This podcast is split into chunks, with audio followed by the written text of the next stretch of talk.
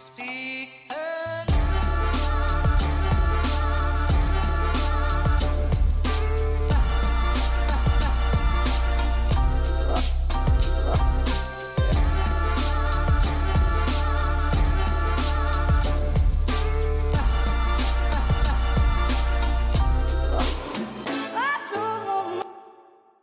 Ja da, blessed be the fruit, folkens. May the Lord open, Kevin. Ja, ja, ja. Hvordan går det med dere? Går det bra? Går det fint? Går det herlig? Har dere huska å betale regningene deres? Det er månedsskifte straks. Du hører på Klagemuren. Det er mandag 30. september. Klokka mi er 10.34. Um, og jeg sto opp for kjempelenge siden. Sto, det er altså så lenge siden jeg sto opp. Og uh, det er og det er så deilig når jeg har med meg morgenen, hadde ei veldig rolig helg. Eh, sånn, I hvert fall sånn alkoholmessig så hadde det vært kjemperolig. Eh, men ikke arbeidsmessig. Herregud, Kevin, hva du har stått på. Ja, jeg har stått på som en, som en villhest eh, med med rett og slett eh, Jeg drev på og gravde ei grøft utenfor huset mitt. Um, uh, i kåken. Imellom huset og garasjen så har jeg gravd ei, ei, ei, ei borti natta djup grøft. Og det er fordi at jeg skal legge jeg skal legge ned kloakk, vann, strøm og internett inn til garasjen, som skal jo bli Fjøsen 2.0. Så jeg driver på og jobber med det. Og så har vi jo ei lita leilighet oppå garasjen som vi også burde ha innredd og få toalett og kjøkken og litt sånn der snacksy. for, da, for da kan vi ha en Airbnb, kanskje. Det er planen. Det er planen med den. Da, men uh, en, i en Airbnb så burde du ha et toalett, for vi vil ikke ha folk inn hit for å bæsje hjemme hos oss. Så da kan de bæsje der. og, så, uh, og så får vi jo toalett i fjøsen, som var sårt savna uh, når vi hadde Fjøsen Live ute i Nordsteinveien, så var jo det sånn her Det var når vi virkelig ønska oss der, det var jo et toalett. Så vi slapp der òg å ha folk inne i huset. Uh, fordi at folk inne i hus, de skitner til, og de stjeler ting. De, folk som drikker, de de er, forferdelige mennesker. De bruker tannbørstene våre, de bruker hånddukene våre til å tørke Jeg vet da faen. Piss, sæd Jeg har ikke peiling. Men, eh, men, det er det vi skal unngå her, da. Um, og det vil jo bare øke verdien. Så da får jeg lagt det Samtidig får jeg ordne et sluk i, i gulvet på garasjen. Uh, sånn at hvis vi en dag selger, og de ikke har lyst til å ha en, en uoffisiell pub i garasjen, så kan de jo uh, sette biler der. Og så har de da vann, uh, altså et avløp der. Så har de vask, og så har de toalett i garasjen, sånn at gubben kan drive på og skru på bilen og herje og styre der ute og late som at han har peiling på hva han holder på med. Så mens han skrur på den her ødelagte kjerra, så kan han gå og ta seg en, kan, kan han gå og sette seg på ramma og tenke over hva er neste steg i det her, i det her arbeidsstykket av et kjøretøy jeg har stående rett utfor døra her. Så det er ingen plass man funderer og kommer fram til så mye rare løsninger som når man sitter på dass. Eh, I hvert fall før i tida, men nå sitter man jo på mobilen og scroller eh, Instagram-videoer og fettskitt, og så havner man i en sånn der i en sånn spiral. Fordi at når du har begynt å se på de videoene, så er det ikke bare å stoppe. Det er ikke bare å slutte. Så du, du bare scroller scroller, og så glemmer du at jeg sitter faen meg på dass. Så når du kommer på at å helvete, kanskje jeg skal tørke ræva, så er, du, så er du, det er for seint. Det er størkna og jævelskap, og du, da må du vaske det. Ikke sant? Det er ikke bare å, Du kan ikke sitte en halvtime og så begynne å tørke. Da, da er ting herda. Da, da, da, er du en skitten jævel hvis du da bare tørker og så bare Ja, ja, da, papiret ser rent ut. Det er ikke det. Du, du, du har vært altfor sent ute, og du, nå må du i dusjen. Spyr ræva di. Du må vaske den. Finn noen våtservietter. Jeg vet da faen. Og det nytter ikke bare å Nytter ikke bare å, sånn som i gamle dager, spytte på papiret. Nei, nei, nei. Det er ikke sånn det funker lenger. Jeg har tenkt litt på det. Jeg har lyst på et sånt spyledass. Fordi at uh, jeg, jeg, tror det var en komiker som sa en gang på scenen sånn her er det ikke rart at hvis vi får bæsj på nevene, så vasker vi hendene i, i fuckings sprit? og vi skrubber, de, skrubber løs det øverste hudlaget fordi at vi har panikk. Mens vi tørker ræva med bare tørt papir. Og sier oss dritfornøyd. Og så drar vi ut og drikker, og så knuller vi folk, og så eter vi ræva på hverandre. Det er jo galskap. Det er, jo- det er jo ikke rein. Det er jo alt annet enn rein. Det er jo sjukdom der. Så derfor så har jeg tenkt litt på sånn spyletoalett, at det kanskje er fremtida. Og det er, jo, det, er jo, det er jo ikke bare fremtida, det er jo nåtida i masse masse land rundt omkring i verden. Så hvorfor skal vi, hvorfor skal vi være noe dårligere? Og jeg, jeg har fått fortalt at det er bedre for miljøet, og det er jo det vi Vi er jo de miljøhurpene. Jeg og Julianne vi er altså miljøkukene. Det er da vi er. Og, og det får faen meg bare være. Det får for min del bare være. Det tar jeg Jeg har null skam over at vi prøver å gjøre diverse ting som, som kan være eh, som kan være miljømessig smart. Sånn som eh, vi har googla masse om eh, eh, om eh, hva det heter. Ah, solcellepanel på taket, det har vi sjekka ut. Foreløpig tror jeg ikke det blir. Eh, det blir ikke med det første, i hvert fall. Det fine med det solcellegreiene er at du kan jo ettermontere det. Du ikke, altså det, det ettermonteres jo i eh, standard, med mindre du kjøper For du får kjøpt noe sånn her eh, Sånn takstein som er solcellepanel. Men det ser jeg for meg at det er sånn her Hvis det blir feil med enda di, så er det litt krise. ikke sant? Så, eh, Å bytte ut og holde helvete med det. Men, men ja, jeg har sjekka om panel, og eh, ikke blitt så mye klokere. Jeg burde vel kanskje ta en telefonsamtale med noen som har peiling på feltet. Men jeg leste artikler på nett, og, og det her med at strømmen Altså, per i dag så tar det lang, lang tid før du betaler ned ditt eget solcelletak.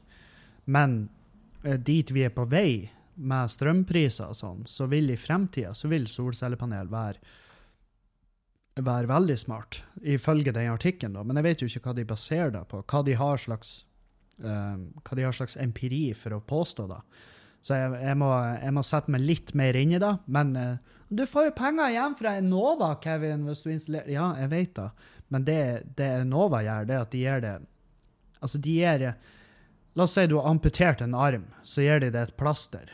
Ikke sant? Det er da de gjør. Du får bitte litt igjen. Det, det er altså en miniskul sum. Og, og det er ikke noe de gir det som eh, Her har du så du kan spe på når du skal betale. Nei, nei, du må legge ut, og så får du igjen penger.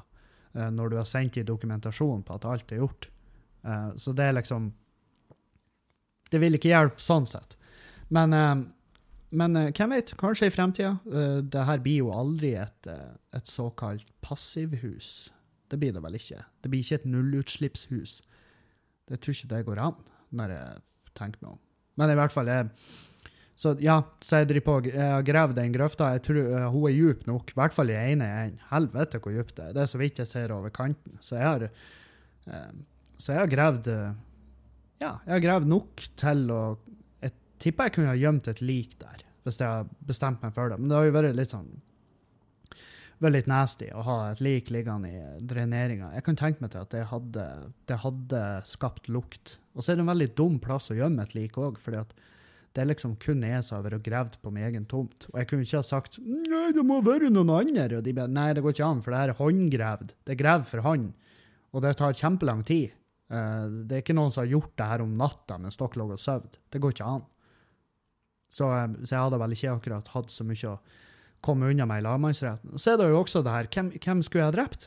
Altså, jeg må jo ha et lik. For å grave ned et lik, så må jeg jo ha et lik. Og hvem skulle da liket ha vært? Jeg vet da faen.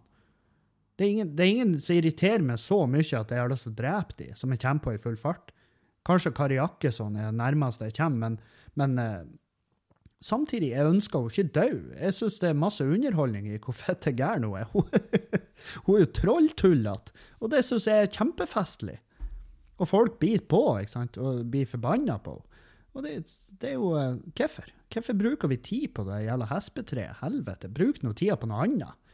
Det, jo, det, det, gir jo mer mening å gå og bare gå naken rundt på E6-en og hyle til folk at du vil hjem. Og så du, det har mer, det har en, du har fått mer ut av dagen din. Du har i hvert fall fått en god historie ut av det. I stedet for å bry deg om hva Kari Jakkesson sier. Det er jo ikke noe hemmelighet at hun er fette gæren. Hun støtter jo Assad-regimet. Du skjønner jo at det her er et menneske som for lenge siden skulle vært beskytta for seg sjøl. Og, det er jo åpenbart at hun har jo ingen form for PR-folk bak seg. Hadde hun hatt en PR-ansvarlig, så har jo han dala utfor den høyeste bygninga han fant. Eller hun. Nei, så, um, så, nei, ikke bruk tid på det. Ikke bruk tid på det. Det er jævlig mye halloi rundt det Greta Thunberg-greiene. Og, og, det som det som irriterer meg det, er at folk henger seg opp i at hun, hun bruker manus bruker manus og har folk i ryggen. Selvfølgelig har hun fuckings folk i ryggen, og selvfølgelig bruker hun manus. Tror du de spenner en 16-åring inn foran FNs klimapanel uten manus? Er du fett idiot? Hvis da er argumentet ditt, så må du jo skyte deg sjøl i trynet før det er for seint. Før du formerer det og lager flere dumme jævler som deg sjøl. Helvete, selvfølgelig har hun manus. For det første, det, det uh, jeg bruker manus. Jeg går ikke på scenen uh, foran jeg går ikke på scenen foran 20 stykk og tenker å, jeg skal bare wing it. Jeg skal bare improvisere. Det blir sikkert dritbra. Det er jo det dummeste Selvfølgelig har du manus. Jeg hadde hatt manus ut av ville helvete hvis jeg gikk på scenen foran FNs klimapanel. Jeg hadde, jeg hadde henvendt meg til folk, som, jeg hadde henvendt meg til forskere og folk som har peiling.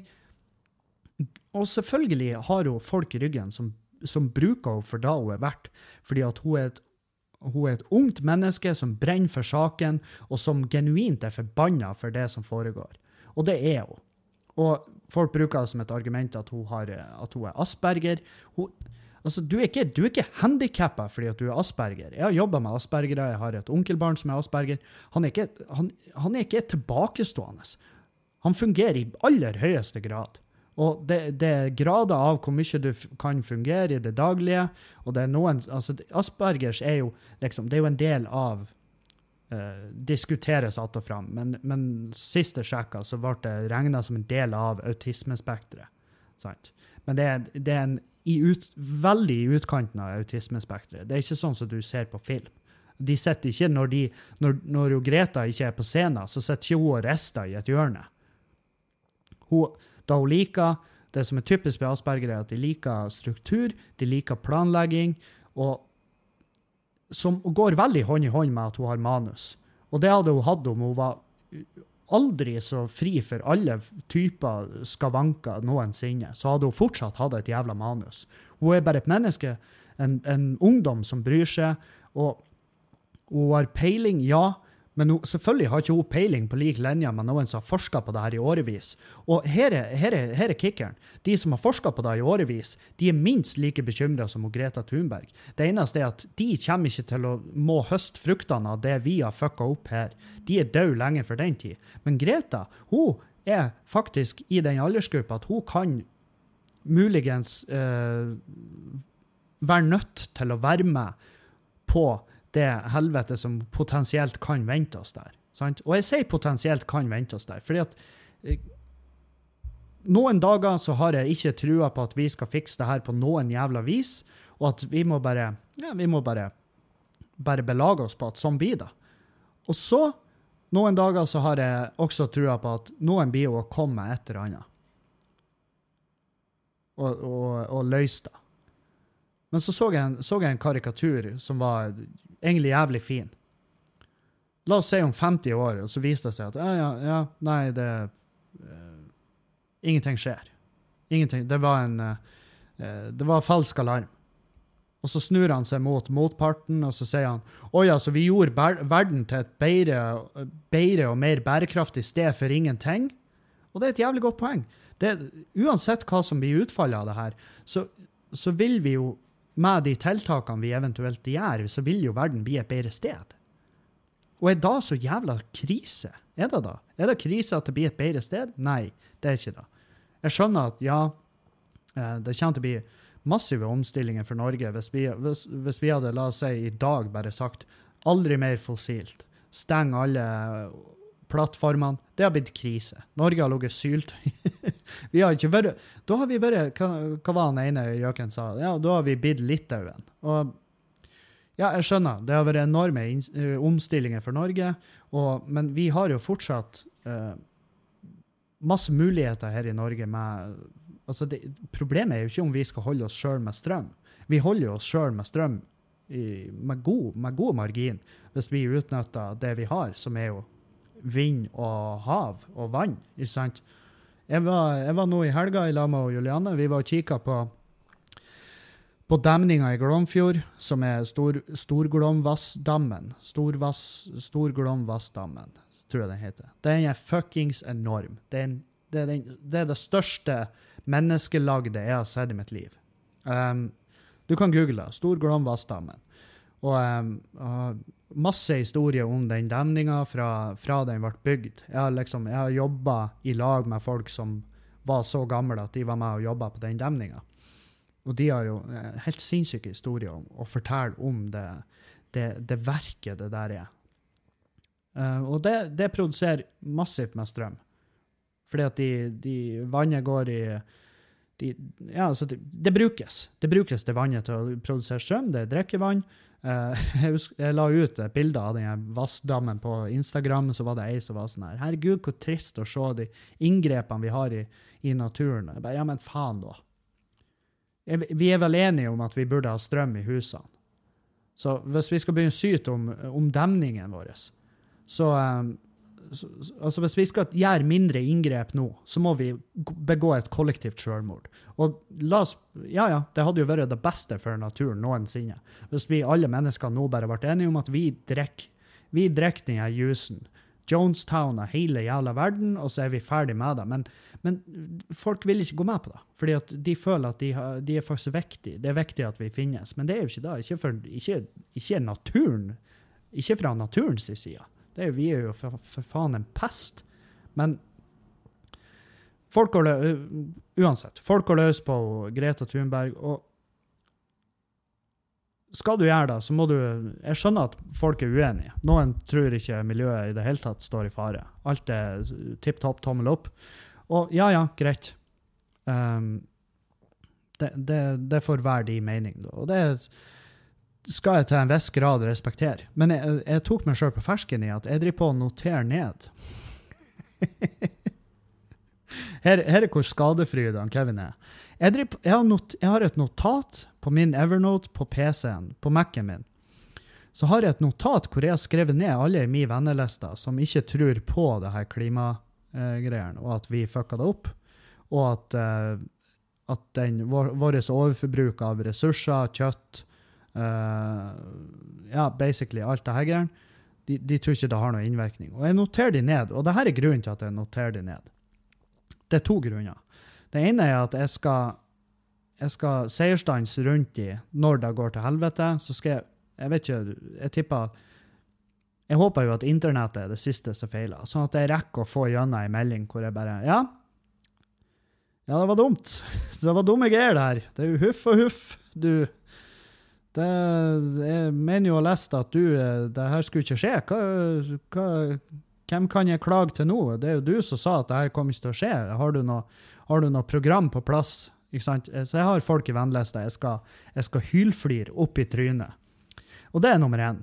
Eh, Nummer to er at det her er folk som jeg ikke skal ønske velkommen i uh, min lille ja, doomsday-bunkers.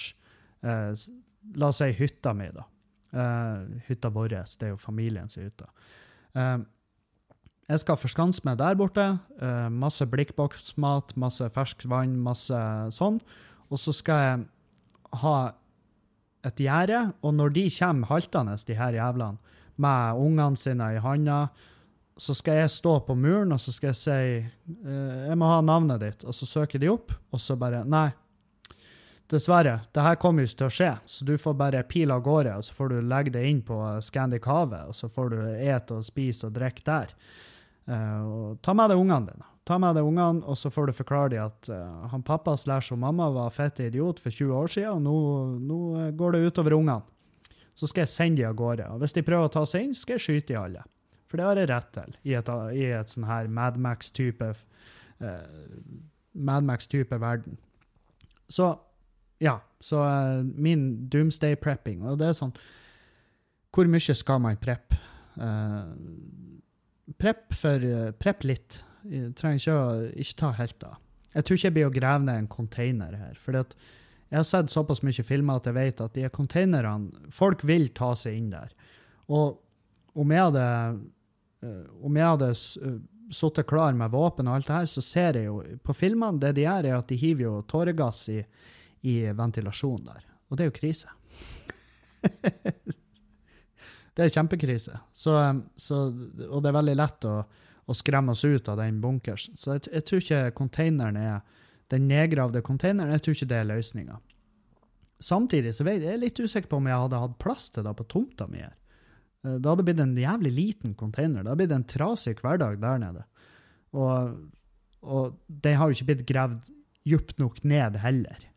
Et, jeg lurer på hva det er slags eh, Hva teknologi trenger du for å kunne leve i en sånn undergrunnsbunker? Altså, la oss si atomkrig.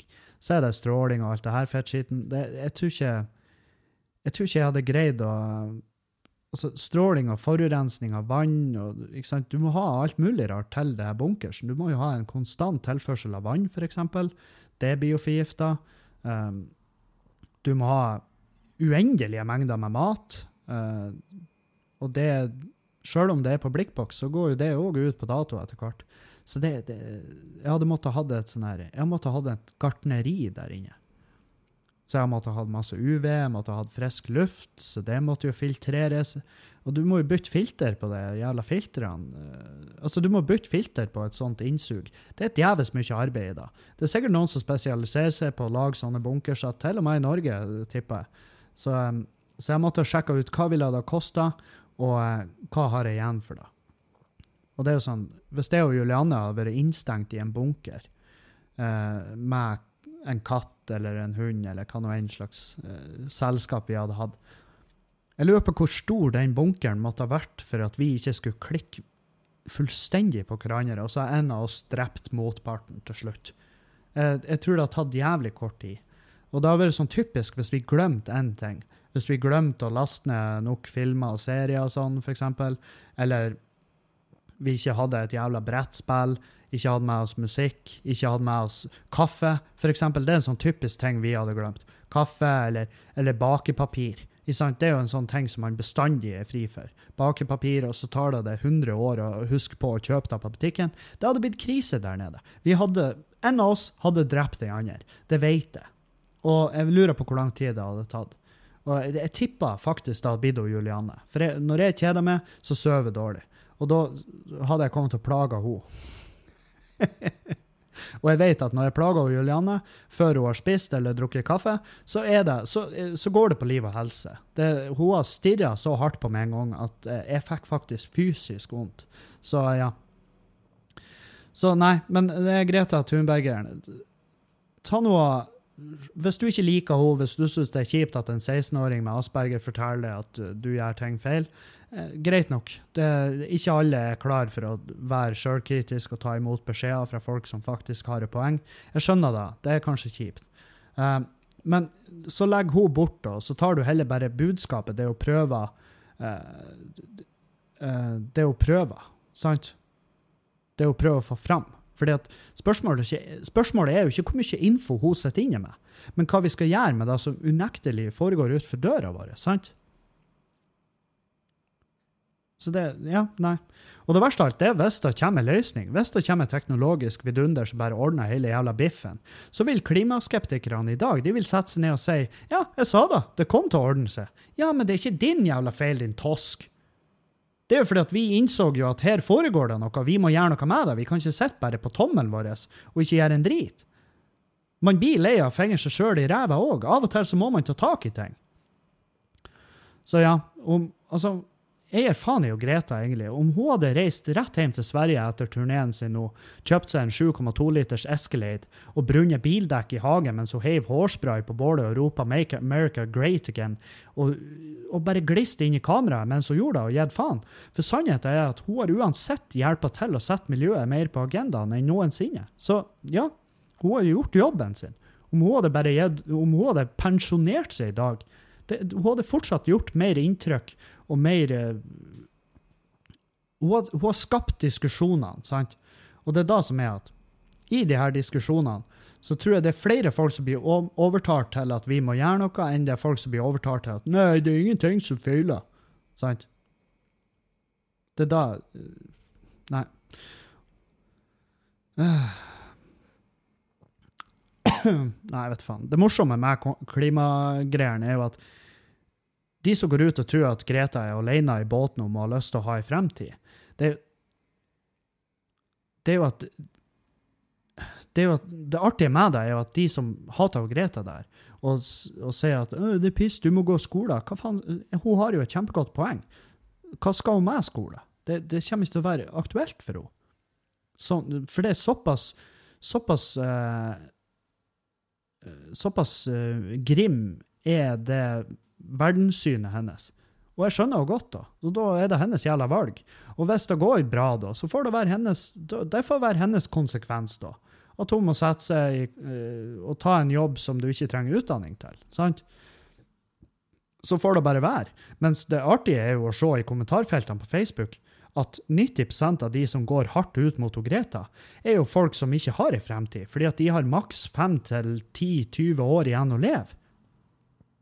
Så bitterheten i, i formuleringa deres tilsier jo at de ikke har noen etterfølgere som skal høste foreldrene deres har sådd heller, så det er ikke deres jævla problem.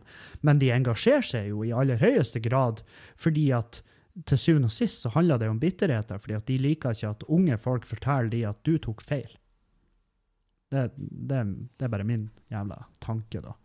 Og deriblant Kari Jakkesson, uh, som, som er jo Jeg vet da faen hva det er, men jeg, jeg, jeg skal jeg, jeg, legger, jeg legger meg roligere ned, fordi at Kari Jakkesson eh, blir ikke brukt tid på det. at jeg tror faktisk at hun er psykisk syk. Jeg tror det er noe feil med henne. Så jeg syns mer synd i henne enn noe annet. Sant? Hadde Og hvem i helvete spurte henne? La oss være ærlige. Hvis jeg hadde lura på hva, hva er den beste måten å tøye ut, så hadde jeg spurt henne, Kari. Jeg hadde aldri spurt henne hva syns du om det her. Det er jo kjemperart. Det er jo ingen, altså Avisa Nordland kommer jo ikke og spør meg «Ø, Kevin, hva syns du om det klimagreiene. Jeg, jeg hadde svart bare Du, ta prat med noen som har peiling. Jeg vet at det foregår noe, så mye kan jeg si. Jeg kan si at det, det er mye som foregår, og det er litt krise, sånn som jeg har forstått det. Men annet enn da, så må du prate med noen som har peiling, for at du har virkelig feil mann. Men Kari Jakkesson hun hadde jo hoppa rett på. bare, Det her det er svada. Det er svada, og Assad eh, prøver bare å hjelpe folket sitt. Eh, ikke sant? Hun er jo fette gæren. Det er jo noe feil med henne. Så jeg syns synd jo. Det er det jeg gjør.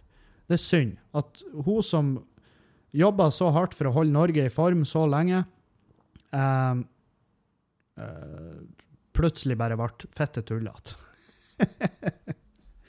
Og det er sånn jeg merker at jeg ikke kritiserer henne for at hun gikk ut mot overvektige. Fordi at det, det har jo jeg òg gjort. Jeg går jo ut mot overvektige med, i Skamløs-showet mitt. Jeg prater jo om overvektige. At overvektige, det er jo deres egen feil at de er overvektige. Det er jo det er ingen som har sagt til dem nå, nå må du bli feit.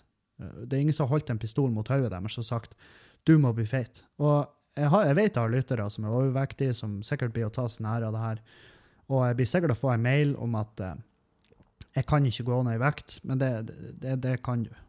Det, med mindre du er med mindre du er lam fra halsen og ned.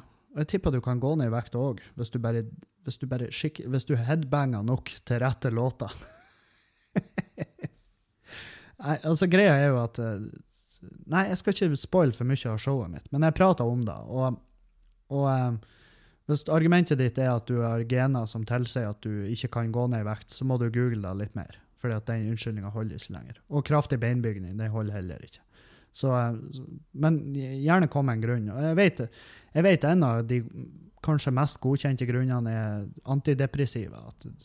Og det er litt sånn sykt. At du, at du legger på det mye lettere når du er på antidepressiva. Og veldig mange av de som går på antidepressiva, er jo fordi at de er overvektige. Så, så da har du så da havner du faktisk i en, eh, en legemiddelindusert ond sirkel, som er jo kjempesynd.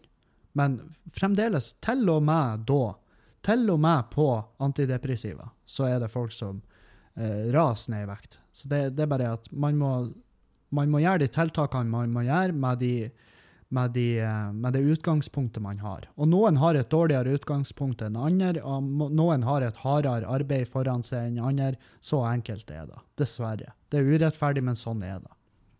Så ja, oh, Kevin er jo bastante Kevin, sitter og forteller folket hva de gjør feil. Ja, ja, ja, ja, det skulle nå bare mangle. Du har jo bodd i ditt eget hus i tre uker, så nå vet jo du alt. Nei, jeg vet ikke en dritt.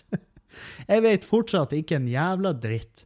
Jeg, jeg er faen meg ennå usikker på, hva, på hvordan huslånet mitt fungerer, men jeg vet at jeg har det. Um, og eh, jeg har gjort jeg har gjort en del arbeid med meg sjøl i alle himmelretninger, både vekt og stoff og alkohol, og jeg har jeg, Det eneste jeg har, er den erfaringa jeg har. Og jeg har lest de eh, rapportene og, og forskningsrapportene som jeg har lest, har sagt de her tingene. Så det, det er ikke bunnløst, det jeg sier. Det, det kommer fra en eller annen plass. Og hvis det skulle vise fem måneder frem i tid at den forskningsrapporten som jeg baserer noen av mine um, uttalelser på, hvis det skulle vise at det var feil, så skal jeg være den første som sier ja, folkens, det viste at jeg tok feil. Beklager da. Uh, beklager hvis noen endrer hele sitt liv av det, men, men når vi kommer ut på andre enden, fikk du et verre liv? Gjorde du det? Nei. Mest sannsynlig ikke. Og eh, jeg har fått uh, kjeftemelding fordi at jeg, prata ned kjøtt. Eh, altså, jeg eter jo kjøtt. Jeg har, jeg har eh, to pakker med kjøttdeig fra Amy's Farm liggende i kjøleskapet. De skal etes i dag. Skal lage um, enten ja, jeg vet faen, kanskje kjøttboller, kanskje taco. Men jeg et mye mindre kjøtt. Jeg har ikke, jeg har ikke kjøpt noe kjøttholdig siden ja, ferdigmat. Det er i helga. Bortsett fra Jeg har ikke gått på butikken og kjøpt kjøtt siden vi flytta inn i huset her. Og det er rett og slett fordi at jeg har ikke hatt behov for det, og fordi at jeg prøver å ete mindre av det. Jeg sier ikke at folk skal slutte å ete kjøtt. Jeg sier bare at ta, gi deg en sjanse å ete mindre. Og hvis du ikke har lyst, greit. Det er kjempegreit. Fordi at jeg, du kan, eh, Hvis det er ti lyttere som sier 'jeg blir ikke å ete noe mindre kjøtt', nei, nei, supert. Det, det, den ser jeg.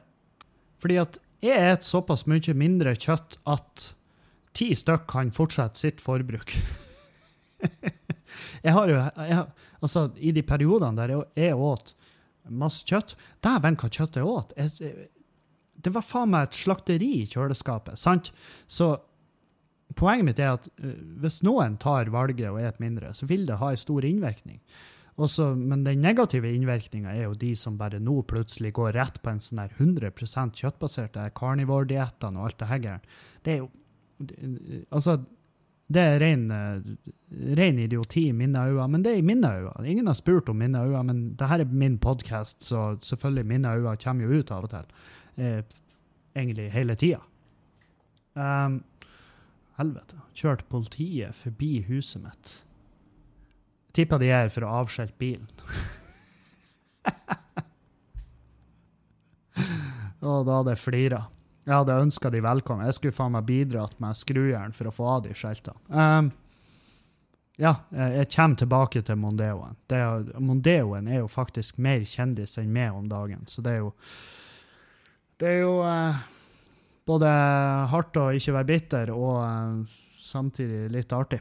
Um, nei, så, så bare ro ned. Jeg, ikke, jeg dømmer ingen som spiser kjøtt, faen heller. Jeg har faen meg så mye kjøtt som jeg har trødd i det nebbet her, så jeg kan vel aldri si til noen at du må et mindre kjøtt. Men altså Rapportene sier da at vi må eh, Det må komme ei løsning på det. Det må bli mindre kjøtt i kostholdet til befolkninga i verden. Og det er fordi at det, sånn som det foregår nå, og blir å foregå fremover, så er det rett og slett ikke bærekraftig uh, å, å hente proteinet derifra. Og med dagens løsninger. Og det er det fine, det er det fine med det, at med dagens løsninger. For det, det, vil si at det jobbes med løsninger til fremtida som gjør at uh, som gjør at, uh, at vi kan fortsette å leve av animalsk protein, bare på litt andre måter. Og det, ta og les eh, ta og les eh, nrk.no, og så søker du 'Fremtidens meny'. Der er, en, eh, der er en artikkel lagt ut den 22. september, hvor de har en masse, en masse om det her med at, at, vi, at vi må utnytte insekter mer, som er jo en begredelig tanke for mange, men jeg tipper om 20 år så, så er det veldig aktuelt for oss. Um, og det her med syntetisk kjøtt som er grodd i en lab, sånn at vi slipper metanutslippene og, og, eh, og det, altså det ukritiske dyreholdet som da ender i forferdelige jævla dokumentarer. Dette er et kjøtt grodd i en lab. Det har aldri hatt følelser, har aldri hatt en kognitiv evne. Det er ingenting der. Um, og så um, Nei, så hva var det sto her? At uh, det sto noe om fisk. Um, og så sto det noe om, uh, om altså den, uh, om uh, effektiviteten av kjøttet. 62% av verdens landbruksareal brukes til å produsere kjøtt, som kun gir 17% av kaloriene og 33% av proteinene totalt. Så i dag blir mindre enn 1 1 av ti I dag blir mindre enn én av ti kalorier som landbruket produserer, spist av mennesker. Så da, det vil si at resten går til dyrefòret. Um, en tredel av maten går tapt et sted på veien fra jord til bord, og det er jo, det er jo ikke noe nyhet.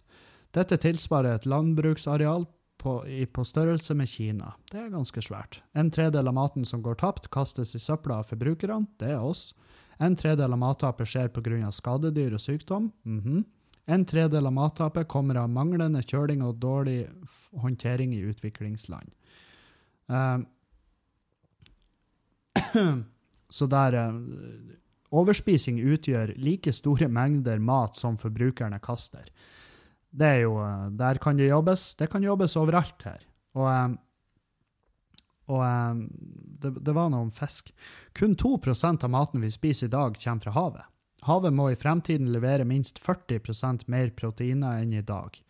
Men det må, i motsetning til i dag, foregå på en bærekraftig måte, noe forskerne mener er fullt mulig med bedre regulering av havbruket. Uh, som er jo dårlige nyheter for, for fiskere, eh, tipper jeg. Det blir vel innstramming av kvoter og sånn her, men det, jo, det, må vel strengt tatt til, at sånn som vi holder på i dag, så er det en reell fare at vi tømmer havet. Og det er jo jævlig kleint hvis vi tømmer havet. Det, men det er klart, når de sier at det må reguleres og alt det her, så blir det vel innstramming av kvoter, og så blir det vel mer og mer fokus på, på oppdrett.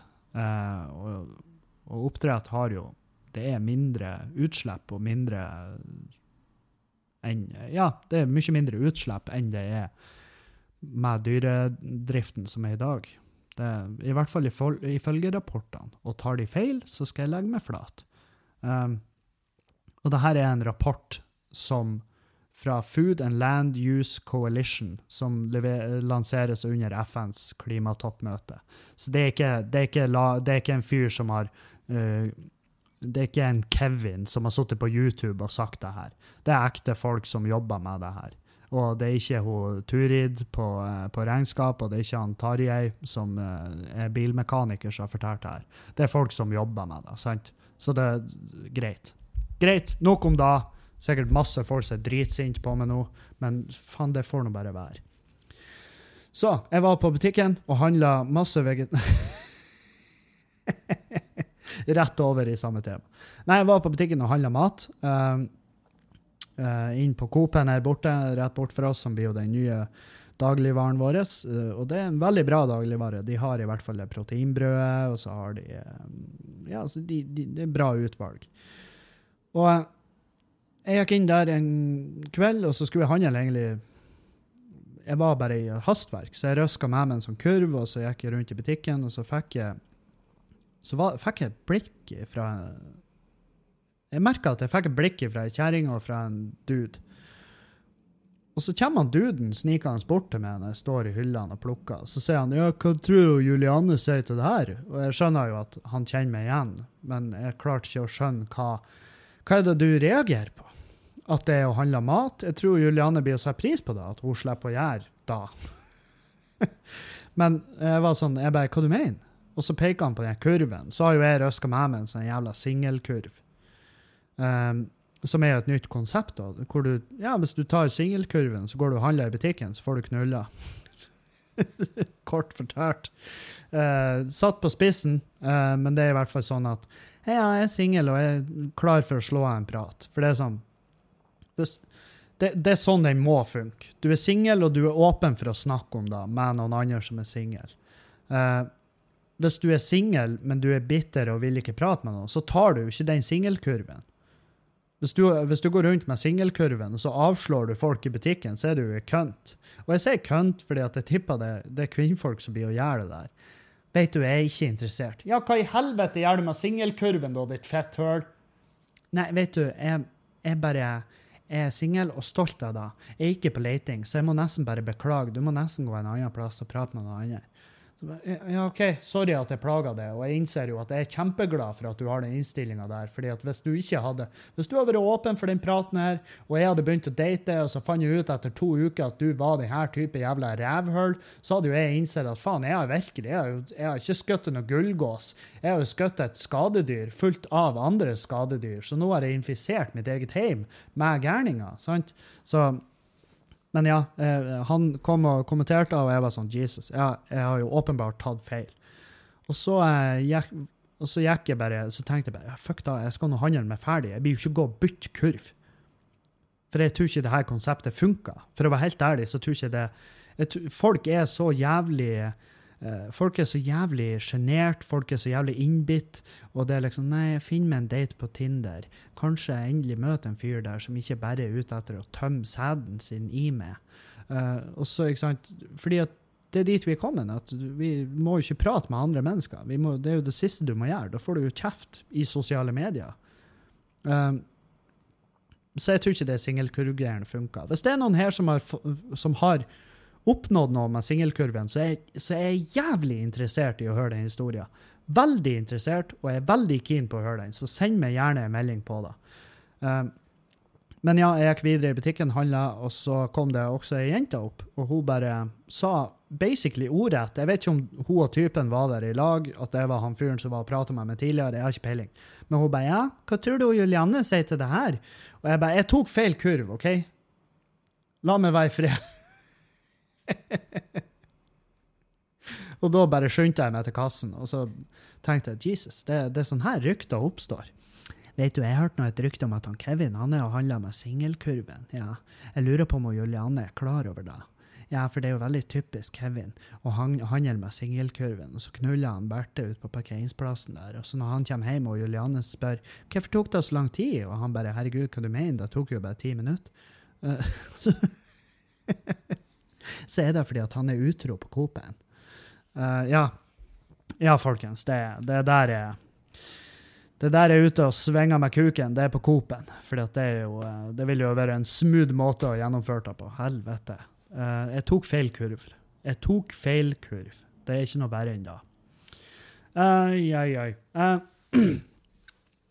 Nei, så har jeg vært i um, Forrige uke så var jeg i Sarpsborg og Moss. Sarpsborg og Moss og gjorde klubb. Uh, og det var for så vidt kos, det. Det var lite folk, dessverre, men sånn, eh, sånn, er det av og til. Jeg skjønner at det, det er ikke big in Japan. Det er ikke, ikke i Moss og Sarpsborg. Men uh, det kom noen, og jeg setter jævlig pris på det. Og det var hyggelig å hilse på dere alle. Uh, alle tre. det, var, det var greit oppmøte. Det var, det var liksom ikke sånn at For det, det har vært på klubbkvelder hvor jeg har bare gått ned av scenen for å gjøre det litt mer intimt. Men eh, altså sånn, ikke gå ned av scenen og ikke gjøre standup, men jeg har gått ned av scenen og heller bare sittet med meg, eller stått med det langbordet som var der. Eh, bare for å gi det et litt mer eh, Ja, for å få litt mer kontakt med publikum. Eh, men eh, men det var, det var, en grei tur, det. og jeg, jeg holdt meg ædru hele turen, og jeg trena. Jeg var, jeg var ute og sprang og kosa meg. Det var, det var en det var en perfekt tur, sånn sett. Jeg følte jeg fikk noe igjen for det, og jeg drakk ikke, fordi det er jo ikke akkurat dritbra betalt på klubb, så da, jeg orka ikke å drikke sånn at jeg gikk i et minus på å være der. Um, og um, ja, det var, det var fint. Det var bare god stemning. Greit. Um, bodd på uh, mitt hotell Moss. Uh, det er virkelig Det er ikke mitt hotell, altså. Og jeg skjønner jo at når du driver et hotell på Moss, så har du liksom du, du kan ta egentlig basically hva du vil betalt, fordi det er jo ikke dritsvært der. sant? Og uh, du trenger ikke vedlikeholde hotellet i en sånn grad. Det eneste var at jeg reagerte på hvor jævla bra den frokosten var. Den var i, den, den, den kunne sidestille seg med veldig mange avanserte, dyre hotell ellers i Norge, så det var jeg imponert over. Og så var jeg imponert over at de For jeg var jo ute og trena ene dagen, og så, og så fikk jeg de til å vaske treningsklærne. Så var de klare til neste trening igjen. Og det var jævlig kjekt, for da slapp jeg å sprenge rundt og føle meg som en, i hvert fall føle meg som et jævla søppelmenneske. Så jeg sprang rundt Jeløya, eller ikke rundt Jeløya, det er jo dritlangt, men jeg sprang i hvert fall utover der, kysten der. Og det var faen meg en nydelig sti å få sprenge på. Helt fantastisk fint. Og eh, jeg passer på, for det er jo meg det I form nå-greiene til Bodø nå, som han Sondre Skjelvik styrer. Det, det er, han legger ut ukentlige program, og det er jævlig greit. Det er jævlig kjekt. Jeg programmerer programmene inn på klokka mi, og så passer den på pulssoner og alt, sånn at jeg trener i rett sone. For det er da jeg ikke har gjort tidligere. Eh, tidligere når jeg har trena, så har jeg pusha meg for hardt. Og det har bare endt med at jeg har overtrena og faktisk deskalert min egen form. Og, og, og, og mye fortere dette av treningsprogrammene. Så det her treningsprogrammet er veldig rolig, og det går rolig fremover. Og, og jeg blir å forholde meg mer og mer skadefri. og Samtidig så drar jeg mer glede ut av å sprenge nå, fordi at jeg kan sprenge dritlangt uten å stoppe. fordi at jeg holder rett sone? Så det, så det funker jo Uten tvil fungerer det bra. Og, um, og jeg fikk jo ikke Jeg trena ikke nå i helga, men jeg fikk faen meg god nok trening fra det grevinga ute her. Fy faen! Klokka osa til meg at jeg har brunnet massevis av kalorier. Um, og det skjønner jeg, for det er å grave ei grøft for han, altså det er, det er, undervurdert. Det er undervurdert hvor jævlig tungt det er. Og, um, og det gjør også at jeg, jeg, har en massiv respekt for de som å, 'Jeg graver nå dreneringa på huset for han.' Ja, er du fette gæren? Hva er problemet ditt? Faen òg, for noen mennesker. For noen supermennesker. Helvete. Jeg har gravd ei grøft, og hun er, hun er fire meter lang. Og jeg, jeg skal aldri gjøre det igjen. Aldri. Om det går hull på rørene, brudd i strømmen Jeg blir jo strekkens skøyteledning. og jeg, blir jo legge inn en eh, vanlig jævla eh, bare, Jeg blir jo strekke inn bare en hageslange hvis vannet ryker. Jeg blir, jeg blir ikke å grave opp der igjen. Ikke faen. Hvis det skal graves opp noen gang i fremtida, så blir jeg å det med, da blir jeg å leie en sånn minigraver. For fytte helvete for en jobb. Jesus Christ. Folk er altså trollgærne. Men ja. Nei, det var, det var, en god jobb. God trening. Veldig fornøyd. Uh, og, og så er det jo å grave det dypt nok til at det ikke fryser. Og så skal jeg legge ned en varmekabel der. og For dere som følger på Patrion, så har jeg filma litt fra eh, grøfta der og forklart litt hva jeg skal gjøre. Og så får de, får de også være med når jeg skal søylebore. Jeg skal ta sånn kjernebormaskin, ikke sant og ta gjennom rørene i, fra teknisk-rommet og inn til garasjen og sånn. Så, eh, så får dere se hvordan da gjøres. Herregud, hvor spennende, Kevin. Du leverer jo underholdning i aller høyeste grader. Nei, jeg gjør ikke det. Og jeg har også lagt merke til Kevin, at du sier i aller høyeste grad veldig ofte. Ja, jeg vet da, jeg har fått meldinger på da, Jeg er klar over at jeg gjør det. Uh, men ja, når jeg var i Sarpsborg og Moss, så følte jeg på den følelsen at faen, jeg skulle vært hjemme og jobba. Og det, det merka jeg at det gjør jeg med en gang jeg ikke jobber. Så føler jeg at faen òg, Kevin, nå, nå, skulle du ha jobba. Du skulle ha gjort en innsats nå i kåken din. Hvordan i faen skal det gå, det her? Hvis du ikke gjør en innsats i kåken din, så detter han sund. Og, og eh, jeg må huske på å ta det rolig, ta meg tid til å jobbe med andre ting òg. Fordi at det er de andre tingene som blir å finansiere eh, min del av den kåken sant? Så jeg kan ikke bare, bare jobbe. Jeg må også jobbe med jobben. Skjønner? Så jeg driver på å skrive på den roasten til helga. Roasten av Northug i Dødens Dal i Trondheim. jeg tror, jeg tror det blir en jævlig feit kveld. Jeg tror det blir god stemning. Jeg tror det eh, blir drøyt. Jeg tror det blir hardt. Eh, jeg har liksom jeg liksom sittet og tenkt faen, må jeg moderere meg? Må jeg, faen, jeg må holde meg i skinnet. Det er såpass ille. Noen av, det, jeg noen av de tingene jeg har skrevet, er faktisk så stygge at jeg har bare droppa de. For jeg har vært sånn Jesus Christ, du kan jo ikke si det her foran 3000 mennesker. Du kommer til å bli knivstukket. Så, um, så ja. Eh, hvem er det som skal på den roasten? Det er Dag Sørås, Marlene Stavrum, Else Kåss, Nils Ingar Odne, eh, Jo- Josef, eh, Alex Rosén, eh, faens, eh, Linnea Myhre og da Petter Northug. Jeg har sikkert glemt noen nå som bare blir så jævla douchebag gjort å glemme den ene personen, men, men eh, ja, det er de jeg kommer på i full fart. Um, så det blir, det, blir, det blir en bra kveld. Helvete. Og det er masse folk å ta ting av, så det, det blir liksom Det blir det det blir. Jeg har opplevd at det å skrive en roast om en dag, det har vist seg å være jævlig hardt. Det har vist seg å være blytungt, og det gruer jeg meg som faen til. For jeg har veldig lite på en dag, men jeg vet at han har nok å ta av på meg. Uh, så, eh, så det blir Ja, det blir Og det er noe, jeg har sett noen Dag roasta komikere. Det er, det er ganske Det er nådeløse greier. Så, jeg, så jeg, jeg, jeg tror jeg skal ha med meg noe antidepressiva i tilfelle det går steinhardt inn på meg. jeg er veldig åpen for at det blir å gjøre det. Så, eh, men ja, hvis du er i området, så tror jeg ennå det er noen billetter igjen. Så, eh, så ta, ta, deg, ta deg til det, og kjøp, kjøp billetter til Rosen. Um, ja, faen. Uh, når jeg skulle reise fra Jeg reiste fra Moss på uh, Hva det blir? Jeg reiste hjem på torsdag Nei, ons, fredag. Fredag reiste jeg hjem. Uh, reiste jævlig tidlig fra Moss. Jeg, jeg overvurderte hvor lang tid det tar å reise fra Moss til flyplassen eh, Gardermoen. Det tar virkelig ikke så lang tid, tydeligvis. Eh, så jeg var jævla tidlig ute der. Og så tenkte jeg ja, jeg skal bare skynde meg opp i loungen, og så kan jeg sitte der og jobbe litt og uh, lage noen videoer og se litt uh, på Netflix og sånn. Og så skulle jeg gjennom den sikkerhetskontrollen, og jeg har jo fast track pga. Uh, nydelige lytteren som ordna med meg SAS gull. Um, men i fast tracken da, så er det en, der er en sånn kuk foran meg. En sånn eh, fyr i sikkerhetskontrollen. Og han er, han er reisende, han òg. Og han står Og han gjør det her Jeg forventer det her av folk, eh, det her greiene, at dere står i en av eh, Dere står på båndet, samlebåndet, og venter på tingene deres. Og så står dere helt inntil det dekselet, og så begynner dere å pakke ting der, sånn at alle de andre som kommer gjennom med tingene sine, de må vente til du er ferdig, i stedet for å dra med deg alle tingene dine helt ned på én av båndet og pakke der. Så, så, må, så må resten av Norge vente fordi at du er treg.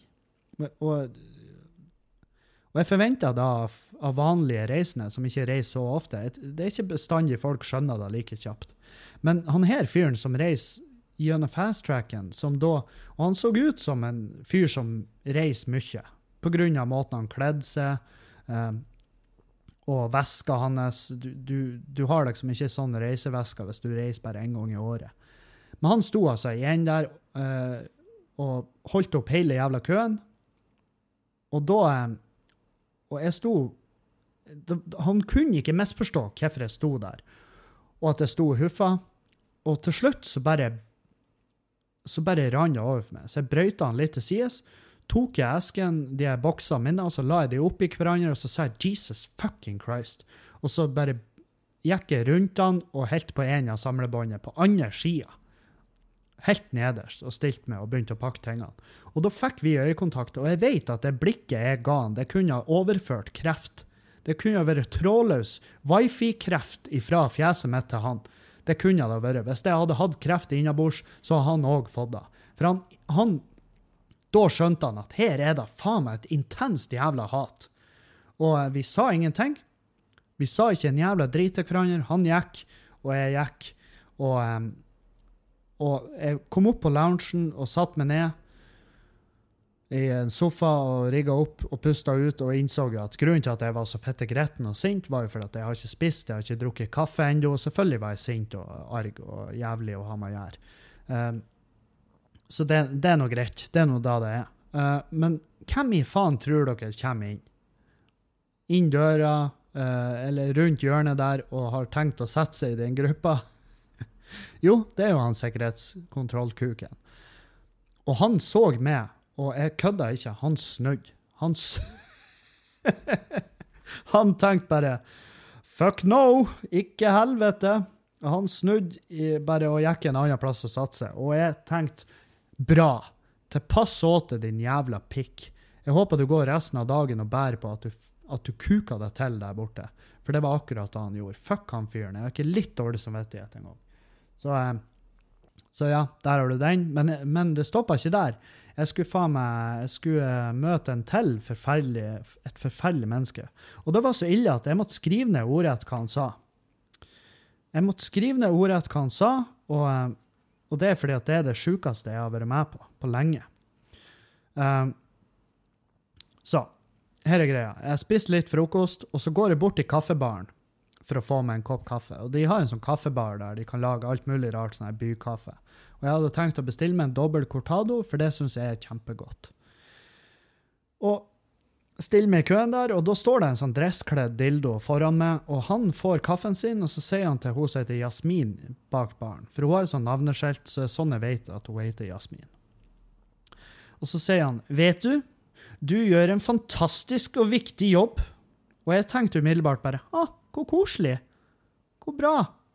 Men han kunne jo ikke la det ligge. Han måtte jo ta det komplimentet sitt, og så måtte han bare fiste sund. For han fortsatte jo å si Jeg er her tre ganger i uken, og du gir meg en kjempegod kaffe på morgenen, sånn at jeg kan reise på jobb og gjøre Norge til et mye bedre land å være i, spesielt fordi i din kategori, så indirekte så gjør du en kjempeviktig jobb. Tusen takk og jeg ble faen meg slått av føttene. Jeg sto bak han, og jeg klarte faen ikke å si en drit. Han snudde seg, han tok koppen, var dritfornøyd med seg sjøl, for jeg, han tror genuint at han sa noe jævla koselig der. Mens det han egentlig var, var norgeshistoriens mest nedlatende hestkuk. Og han snudde seg med et glis om munnen, og jeg fikk øyekontakt med han, og jeg bare, jeg sa bare sånn wow. Og han bare og så nikka han bare, så gikk han. Og da, når jeg kom opp til kassa, og Jasmin sto jo der og følte seg som menneskelig søppel, hva faen skulle jeg gjøre? Jeg visste ikke hva jeg skulle gjøre. Jeg fikk ka kaffen min, og så jeg, tok jeg en slurk og sa du, dritgod kaffe. Og så gikk jeg bare. Jeg, jeg visste faen hva jeg skulle gjøre. Det, det, bare sånn oh, La meg presentere hvordan du via butterfly-effekten gjør Norge bedre. Hint! Svaret er meg! Via meg! Faen, for et forferdelig jævla menneske. Jeg sendte det til han Dag Sørås, og han sa bare det her er faen meg det mest sosiopatiske jeg har lest her, i det her året. Og det Nei, det er, det, det er, faen meg, det er seriøst det villeste jeg har hørt. Og det er sikkert, Men, men ta, hvis, du, hvis, du, ikke skjønner hvor ille det er, ta hør det om igjen. Og så hører du det et par ganger, så skjønner du at Jesus, fuck, for en jævla retard. For en helvetes forferdelig fyr. Og ja, de her menneskene finnes. Og jeg, og jeg, jeg var sånn her Jeg kjente han ikke igjen, men jeg skjønner jo at OK, han gjør, påstår han gjør Norge til et bedre land å leve i for hennes del. Uh, men han går rundt med den innstillinga der, så han er bare sånn Hva det er slags hva det er slags fyr? Hva det er slags uh, cocky, styrtrik Frp-er kledd i et SV-kostyme? Hvem er du for noen? Altså, han må jo være han, må jo, han kan jo umulig vite at han sitter inne med de verdiene og meningene som han egentlig får å gå rundt med. Og jeg ble bare jeg, jeg ble bare så jævlig fjams. Jeg ble helt eh, Jeg ble rar. Og så drakk jeg den kaffen, og så og så bare Jeg satt bare og tenkte på det så mye. Jeg brukte faen meg nesten halve dagen på å tenke på bare Faen, for en dildo. Jeg lurer på hvem faen han var for noen. Jeg skulle gjerne ha visst hvem i faen det der var, sånn at jeg kunne bare Ja, jeg vet faen hva jeg skulle ha gjort. Jeg skulle ha sendt deg en melding i ettertid. Bare, du Jeg vet ikke om du er klar over det, men du var faen meg Du var faen meg verdenshistoriens jævligste menneske på loungen. Bare så du vet det. Så neste gang du ser henne, Jasmin, hvis du på ekte reiser tre ganger i uka der, så skal du si til henne Vet du hva, sorry. Sorry. Det var faen meg Det var dritt gjort av meg. Så nei. Helvete for en fyr. Uh, vi skal ta et par uh, spørgelsesmål. Jeg vet ikke om det er et ord, men spørsmål. Dere skjønner jo hva det er for noe. Jeg har et spørsmål i podkasten i anledning fri, friidretts-VM. Å oh ja, er det friidretts-VM? jo, for faen, jeg har fått med meg at de Ingebrigtsen-brødrene sprenger. Jeg forstår at det er en fordel å være lett i løp, løpsøvelser, siden man skal frakte sin egen kroppsvekt. Og det er tydeligvis optimalt å være slank og muskuløs i sprintøvelser, siden det er en eksplosiv øvelse. Men de som kaster spyd, kule, diskos, er ofte veldig store og tunge. Kan du forklare meg fysikken bak hvorfor det er optimalt for kasteøvelser? Takker på forhånd. Eh, ja, det kan jeg. Eh, fordi at når du støter ifra deg noe, så er det, eh, så er det greit å ha en motvekt og en friksjon. Altså, jo større du er, jo større tyngdepunkt Altså, jo større G har du, jo større eh, kraft rett ned i bakken har du. Og hvis du skal støte ifra deg ei kule som veier 14 kilo, så er det dumt hvis du veier 14 kilo sjøl. Sant? Det skjønner jo da. Og det er, så det er ren fysikk, at du har en motvekt som gjør at uh, du lettere kan flytte ifra deg den vekta du skal hive. Men samtidig, misforstå meg rett, det her har jeg googla. Jeg har måttet google. Men jeg, jeg, skjønte jo, jeg skjønte jo til en viss grad fysikken bak det, men jeg måtte bare google for å være sikker. Og det er jo virkelig, det er jo ikke alle som er, eh, som er dritsvære og fulle av Men, men man, de har jo en høyere fettprosent enn en maratonløper. Det, det, vil jo, det vil jo si seg sjøl at en en som hopper en som gjør uh, skihopp, han er ikke noe dyktig kulestøter nødvendigvis. Uh, men, men, ja, så det er en fordel å ha ei høy vekt, uh, men samtidig ikke så jævla overvektig at du er upraktisk, for du skal jo ha moment på det her. Det er jo det du gjør. Altså, du bruker jo momentet til å få den kula til å flytte seg, og hvis du er dritfeit, så så, så, vil ikke det hjelpe. Og så er de jo uten tvil dritsterke. Helvete hvor sterke de er. Og en kulestøter han trenger ikke være like mobil som en spydkaster, sånn som jeg har forstått det. Fordi at spydkasterne, de, de spydene er litt lettere, men de er også mer utforma for eh, Altså, det er mer teknikk i å få de til å gå rett og ha rett vinkel for at de skal gå lengst mulig i forhold til krafta og alt det her. Eh, men de, du ser jo at de de spydkasterne, de er jo gjerne mye mer eh, de, de, er ofte tynnere. Mens kulestøterne og sånn diskoskastere og de kan være dritsvære, men de er jævlig godt trent. Det kommer jo fram i alle artiklene. Ikke misforstå. Det er muskler inni de kroppene der, og de er dritsterke. Og det er selvfølgelig er de da, for de hiver jo drittunge ting fette langt. Men ja, det er noe med det, motvekt og friksjon og alt det her som det er mye lettere å ha en meget støtt bakkekontakt når du er større og har et lavere tyngdepunkt og og uh, tyngdekrafta holder det mye mer ned i bakken enn, enn, hva du gjør hvis du er 40 kilo tung og skal hive ei kule. Seg, det sier seg sjøl. Man skjønner fysikken bak det hvis man, hvis man tenker på det. Um, uh, så har jeg fått et spørsmål her. Uh, Ut ifra det jeg har hørt på podkasten din, så har du gått ifra snakk om sjølmord nesten hver eneste podkast til å egentlig virke ganske fornøyd med livet. Tenker du fortsatt på å ta livet ditt, eller er du helt ferdig med det? I så fall, hvordan kom du deg ut av den tankegangen? Jeg sliter med depresjon på snart tiende år, men de siste to-tre årene har jeg gått daglig og tenkt på hvordan jeg kan ende det hele. Jeg vil ikke tenke sånn, men jeg finner ingenting positivt med å eksistere. Ja da, har prøvd å fått hjelp, men det har ikke gjort noe forskjell. Det er jo selvfølgelig masse mer å si om denne saken, men kan ta det etter hvert hvis du selvfølgelig gidder og har tida til det. Ja, det har jeg tida til. Jeg har selvfølgelig tida til å høre videre på det. Men og så skriver, skriver denne lytteren skjønner godt om du ikke vil gå tilbake til sånne emner hvis du er ferdig med det for din del. Vil ikke være til bry. Du er ikke til bry, og det gjør meg ingenting å prate om det.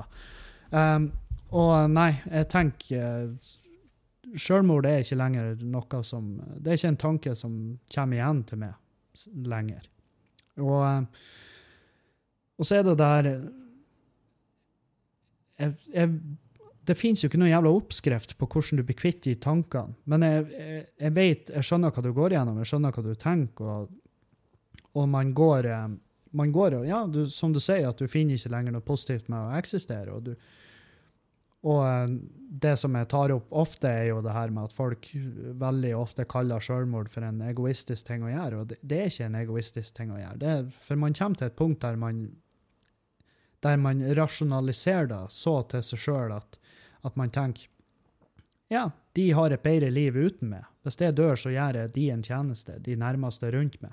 Det, det er ikke sånn at de ikke tenker på sine nærmeste når de tar livet av seg. Det er ofte det de gjør.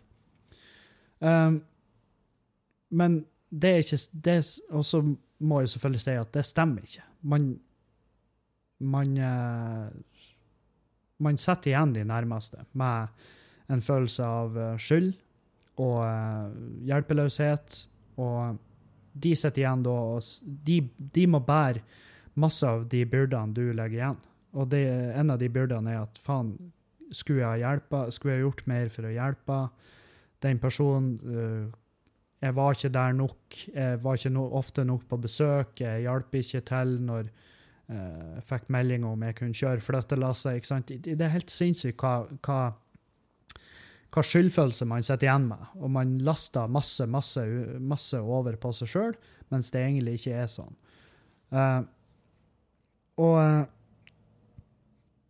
du skriver at du har fått hjelp, men det har ikke gjort noen forskjell. Det er jo det er jo synd. Det vil jo bare si at du ikke har fått den type hjelp du trenger. Sant? Du har ikke fått den type hjelp som du har behov for. Den hjelpa har ikke nådd inn til det, og da vil jeg egentlig bare fortsette å prøve å få hjelp som, som, eh, For det vil til slutt Det vil til slutt bite på. Og så kan du også på, på en på rett måte involvere dine nærmeste og forklare dem hvordan du har det. Uh, men samtidig så er det viktig at dine nærmeste også skjønner at det er ikke meninga at de skal gå på bomull rundt det. Du vil bare, at, eh, du vil bare ha de i loopen et, til et visst nivå, sant? Så er det lurt å involvere de nærmeste. For de, det, det, er gjerne der man får den beste hjelpen. Uh, den hjelpen jeg mottok uh, som funka, var jo fra venner og familie, og til syvende og sist Julianne. Det er jo de som eh, fikk meg til å se på livet som noe som var verdt å fortsette med. sant? Så, eh, så involver de, eh, men samtidig til en sånn grad. ikke sant? De, må ikke få følelsen av at 'Å, jeg må henge med denne personen, ellers så tar de livet av seg'. ikke sant? Det, det er ikke der det ligger. Det, det, er bare, Av og til er det bare deilig å prate med noen som da forteller det. At du er svært avhengig av at du finnes. Og da får man fort en mye høyere følelse av eh, en, et mål og mening i livet. Sant? Men fortsett å, fortsett å jobbe for å få deg sjøl hjelp, fordi at før du vet ordet, så sitter du i rommet med en psykolog som da når inn til deg og forstår hva det er du går igjennom.